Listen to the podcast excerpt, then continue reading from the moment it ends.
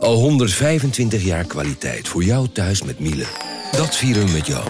Ontvang nu tijdelijk een cashback tot 125 euro op veel Miele-apparatuur. Geniet van de kwaliteit van Miele. Voor perfect verzorgd wasgoed en kleding die veel langer mooi blijft. Voor een stralend schone vaat, even perfect als jouw diners. En een stofvrij thuis waarin echt hygiënisch schoon de standaard is. Check miele.nl voor alle feestelijke aanbiedingen. Hey podcastluisteraar. Ook op zoek naar een relevante invulling van je schaarse luisteruren? Tune dan in op de podcastserie ESG, even samengevat van BNP Paribas. Wij, Marloes en Aldert, spreken daar duurzame voorlopers en wereldverbeteraars. Waarover dan? Nou, bijvoorbeeld of we ooit duurzaam kunnen gaan vliegen. En waarom koeien in de stad nou een goed idee is? Dat en meer elke twee weken in een nieuwe aflevering. Dus abonneer je. ESG, even samengevat.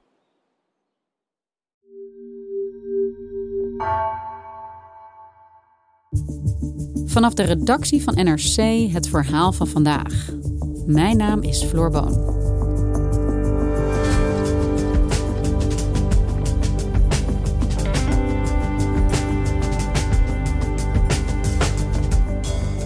Terwijl alle ogen zijn gericht op de oorlog in Gaza, gaat de verdrijving van Palestijnen van hun land op de westelijke Jordaanoever gestaag door. Correspondent Melvin Ingleby bezocht het gebied en zag dat het geweld zelfs is toegenomen sinds de terreuraanval van Hamas op 7 oktober. Palestijnen maken zich ernstige zorgen over hoe het nu verder moet.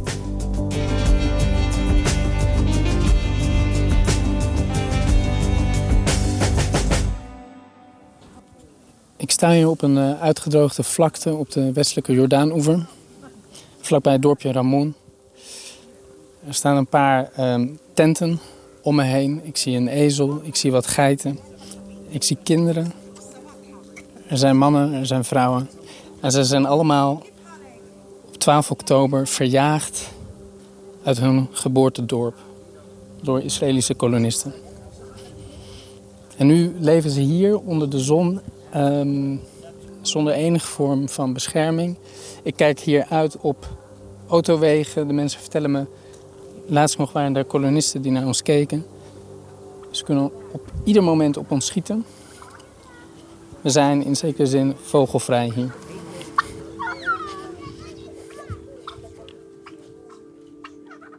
En waarom ben je daar precies op die uitgedroogde vlakte op de westelijke Jordaanoever? Nou, op de westelijke Jordaanoever daar wonen uh, meer dan 2,5 miljoen Palestijnen. Maar er wonen ook heel veel Israëlische kolonisten, inmiddels bijna 700.000. En uh, wat er al jaren gaande is, is dat zij langzamerhand stap voor stap de Palestijnen van hun land verdrijven. En zeker sinds Netanyahu sinds vorig jaar in een coalitie met extreemrechtse partijen zit, krijgen ze alle ruimte om dat te doen. En na 7 oktober loopt dat volledig uit de hand. The occupied West Bank too has seen a rise in Israeli violence since October the 7th. Raids, demolitions, attacks by settlers have become a near daily occurrence in what's been described as the worst year for Palestinians in recent memory. The settlements have grown and settlers continue to build barriers between them and their Palestinian neighbors. The tensions flare up every day. En wie zijn die kolonisten waar je het over hebt? De kolonisten, dat zijn Israëliërs die het ook als een taak zien om uh, het Joodse land uh, uit te breiden. Een deel van hen komt uit het buitenland, een deel vanuit Israëlische steden. Dus zij trekken uh, Palestijnse gebieden in en stichten daar nederzettingen die volgens het internationaal recht illegaal zijn. En vervolgens gaan ze daar wonen. En zo wordt de facto steeds meer gebied Israëlisch. En wat heb jij daar tot nu toe van gezien? Die escalatie sinds 7 oktober, dat heeft ontzettend veel geweld opgeleverd. En dat heeft Mohamed Mattar, die ik daar sprak op die vlakte, aan de lijve ondervonden.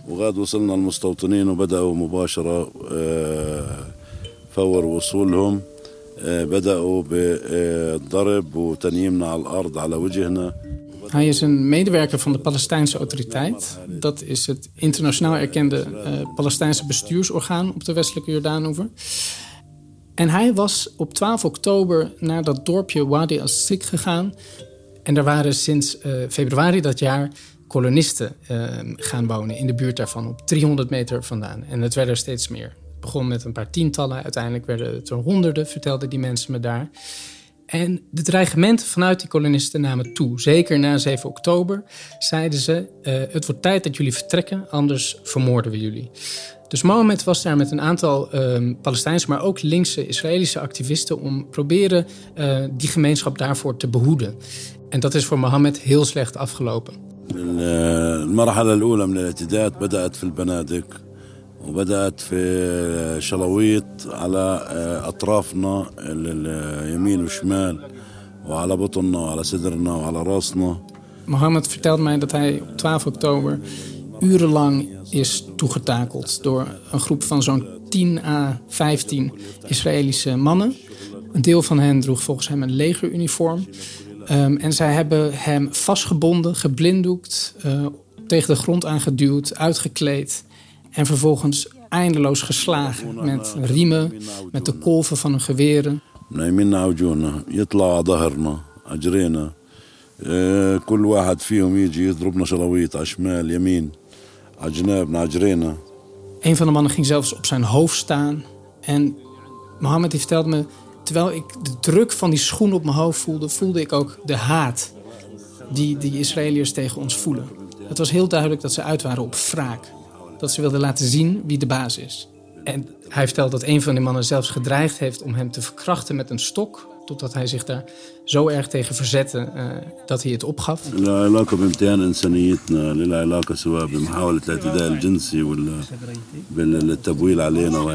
En ook heeft die man over hem heen geplast. En Mohammed zei, hun doel was duidelijk om me te vernederen. Om mij mijn waardigheid af te nemen. En het schokkende is, daar zijn de kolonisten ook trots op. Zo zie je dat op Israëlische sociale media kolonisten um, allerlei video's delen. waarin ze uh, Palestijnen zogenaamd arresteren. Dus dan zie je geblinddoekte en gehandboeide Palestijnen. die ze vervolgens vernederen, waar ze een dansje mee doen. En onder die video's zit vaak een vrolijk Israëlisch uh, liedje gemonteerd.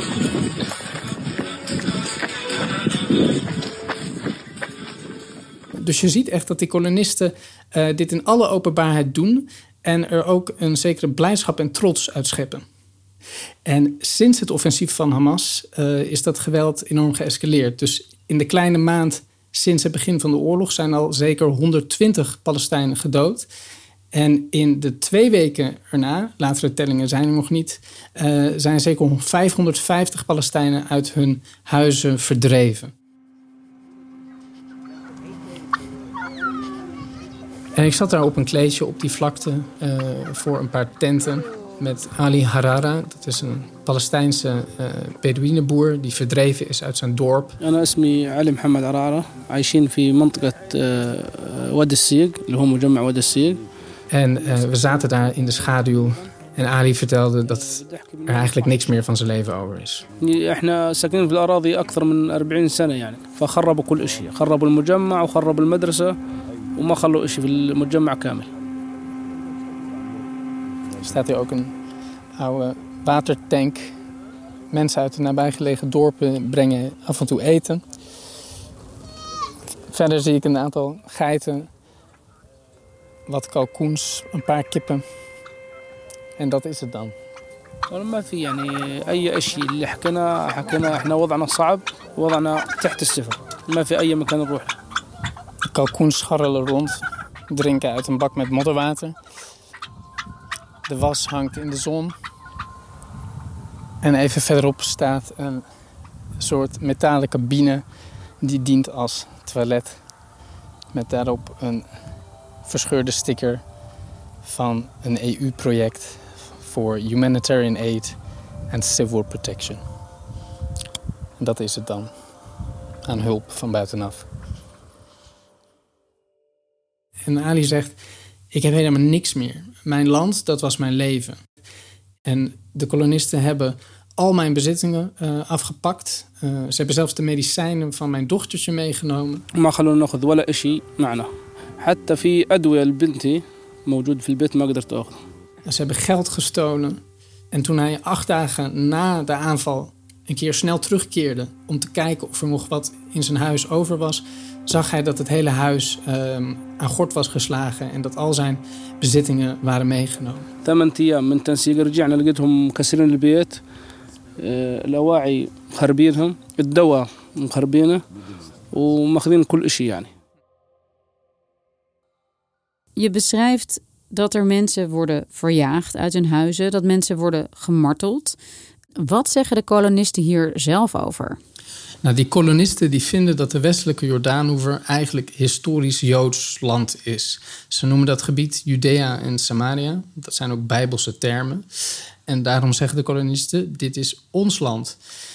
Hoe ze dat land dan vervolgens gaan innemen, daar verschillen ze over. Er zijn radicalere types die veel geweld gebruiken. Er zijn ook iets gematigdere types uh, die ook zeggen dat ze vreedzaam met de Palestijnen kunnen samenleven. Maar allemaal vinden ze, wij maken aanspraak op dit land.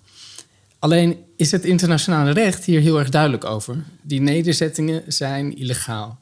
Tijdens de zogeheten Oslo-akkoorden in de jaren 90 is namelijk afgesproken dat de Palestijnen een vorm van zelfbestuur zouden krijgen op de westelijke Jordaanoever. En dat in ruil daarvoor de PLO, destijds de voornaamste Palestijnse verzetbeweging, de staat Israël zou erkennen. Dus het feit dat die Israëlische kolonisten daar die nederzettingen stichten, dat is in strijd met uh, de Oslo-akkoorden. Dat wordt ook keer op keer door de VN veroordeeld. Maar in de praktijk zie je dat niemand meer in die akkoorden gelooft en dat Israël gewoon doorgaat met het stichten van al die nederzettingen. Dus de inname van Palestijns land, dat is niets nieuws. Dat speelt al decennia. Maar die inname is wel heel erg toegenomen uh, in de laatste jaren onder premier Benjamin Netanyahu. En zeker sinds hij sinds vorig jaar in een coalitie zit met extreemrechtse partijen. Um, zo is de minister van Nationale Veiligheid, dat is zelf een kolonist uh, met een heel erg extreemrechts verleden, uh, die uh, de meest racistische uitspraken over Palestijnen ehm, in de ronde slingert en oproept tot annexatie van de westelijke Jordaanoever. Zijn minister van Financiën is iemand die Iemand die afgelopen februari de enorme aanval op de Palestijnse plaats Huara toejuichte. En hij zei: die plaats moet van de kaart geveegd worden en de staat zou daar een rol in moeten spelen. Dus we zien echt dat deze regering uh, de kolonisten vrij spel geeft. En daarmee, als ik je zo goed begrijp, verliezen de Palestijnen eigenlijk steeds meer grip op hun gebieden op de westelijke Jordaanoever. Ze delen een belang in het verdrijven van de Palestijnen van hun land. En ze helpen de kolonisten daar ook bij. Dat doen ze door uh, hun nederzettingen te financieren met bijvoorbeeld gratis water, gratis nutsdiensten. Maar ook uh, sinds 7 oktober door massaal wapens uit te delen aan die kolonisten. Want, zegt uh, de regering van Netanyahu, het Israëlische volk moet zichzelf kunnen verdedigen tegen het soort gruweldaden dat Hamas op 7 oktober uh, beging. Ja, en over die context sprak ik ook met de 34-jarige Zaid Shoaibi. My name is Zaid Shoaibi. Currently working at Al-Haq organization, human rights organization. Um, uh, my position is the field research coordinator. Hij is een Palestijnse activist en een veldonderzoeker voor Al-Haq. Dat is een van de oudste Palestijnse mensenrechtenorganisaties. En hij documenteert dat geweld door die Israëlische kolonisten. That's actually not only a colonial mindset, uh, it's racist. It's, it's saying that we want to eliminate the others. Hij zegt het is heel om te begrijpen dat dit geen individuele acties zijn van die kolonisten, maar dat het echt om een openlijk uitgedragen regeringsbeleid gaat.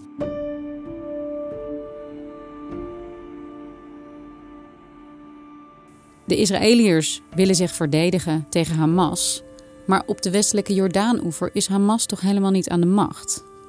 Hoe liggen de machtsverhoudingen daar? Wie maken er de dienst uit op de westelijke Jordaanoever?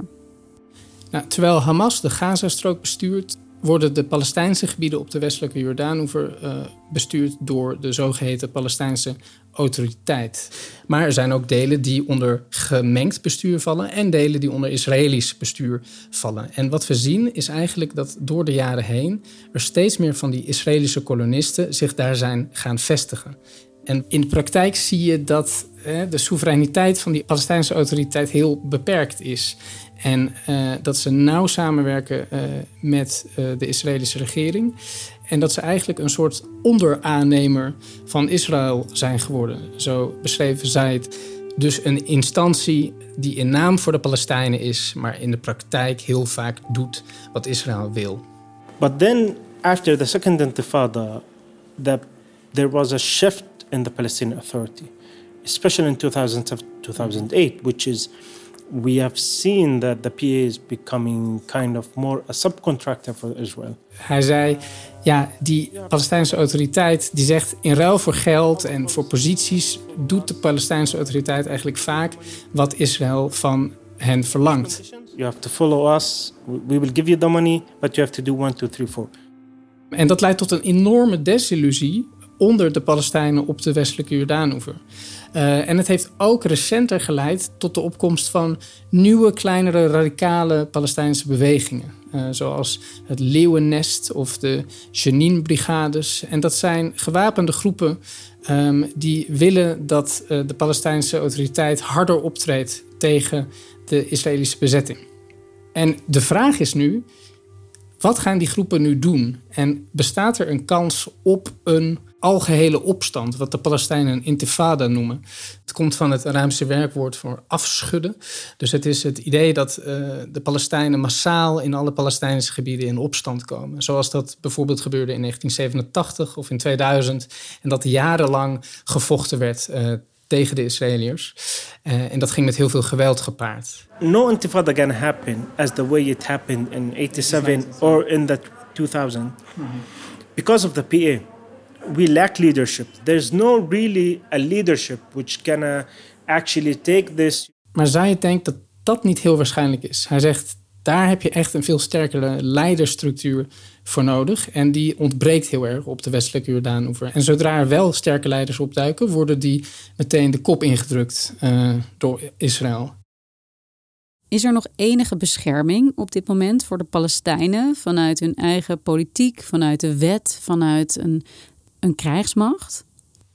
Nou, dat is nu juist het probleem, zegt zij. Er, er is helemaal niet een soort van legale weg. Er is geen bescherming. Hij zegt. Het recht verdedigt de Palestijnen niet. Uh, voor dit soort misdaden worden Israëlische kolonisten zeer zelden uh, gestraft. Ook een onderzoek dat het internationaal strafhof heeft ingediend naar oorlogsmisdaden in de Palestijnse gebieden. Door overigens zowel Hamas als de Israëlische zijde draait al jaren op niks uit en wordt volgens Zayed ook vertraagd. Hij zegt, kijk, bij Poetin lag er meteen een arrestatiebevel nadat hij Oekraïne binnenviel. En wij zitten al jaren te wachten op enige vooruitgang. Yeah, for Putin like in, in what? In a couple of months? We have been asking for like decade. Het laat volgens hem heel erg de dubbele standaard van de internationale gemeenschap zien. En het ziet er niet naar uit dat er enige oplossing in beeld is op dit moment. Het geweld neemt alleen maar toe. Waar beweegt dit heen, Melvin? Wat denk jij? Dat is een hele moeilijke vraag. Ik denk dat we um, nog veel meer geweld zullen zien. In de eerste plaats natuurlijk in Gaza, maar ook op de westelijke Jordaanoever. Zaid lijkt het onwaarschijnlijk dat er echt een georganiseerde intifada komt maar hij zegt wel, er zijn ook andere vormen van intifada. Hij, hij zegt eigenlijk, ja, we leven misschien nu al in een derde intifada. Sinds een aantal jaar zijn Palestijnse jongeren enorm gepolitiseerd. Uh, bestaat er veel meer eenheid onder Palestijnen uh, in de Gazastrook en op de westelijke Jordaanoever. En hij put ook heel veel hoop uit uh, solidariteitsdemonstraties. Dus hij zegt, er is hier een nieuwe generatie die zich niet zomaar zal laten verdrijven. And our generation is feeling the opposite. We are not inferior. And we can do it. And we can free our country. And we can liberate our country. Maar als je praat met de mensen die recent dat geweld aan de lijve hebben ondervonden of al verdreven zijn, dan, dan merk je toch een stuk minder strijdvaardigheid en een stuk minder hoop. Want uh, Israël heeft natuurlijk militair gewoon absolute overhand. En dat is waarom bijvoorbeeld Mohamed Mattar, die dat geweld aan de lijve heeft ondervonden, ontzettend hopeloos is. Hij zegt, toen ik hem vroeg, is er nog een toekomst? Zei hij direct, er is geen toekomst. Hij zegt, het is gedaan.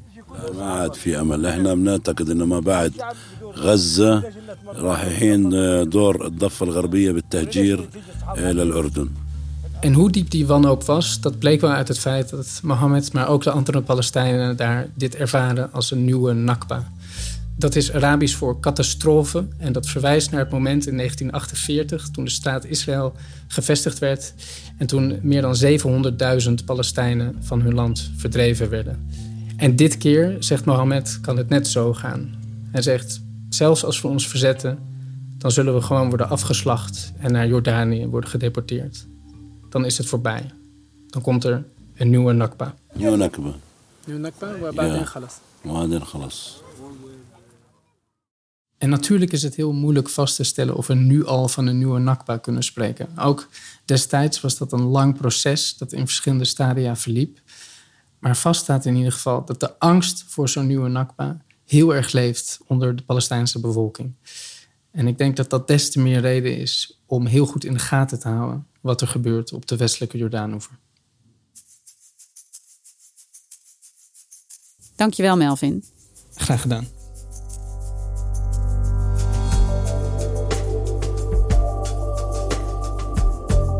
Je luisterde naar vandaag, een podcast van NRC. Eén verhaal, elke dag. Deze aflevering werd gemaakt door Ellen van den Berg, Tessa Kolen en Miche van Waterschoot. Coördinatie, Henk Ruigrok van der Werven. Dit was vandaag, maandag weer.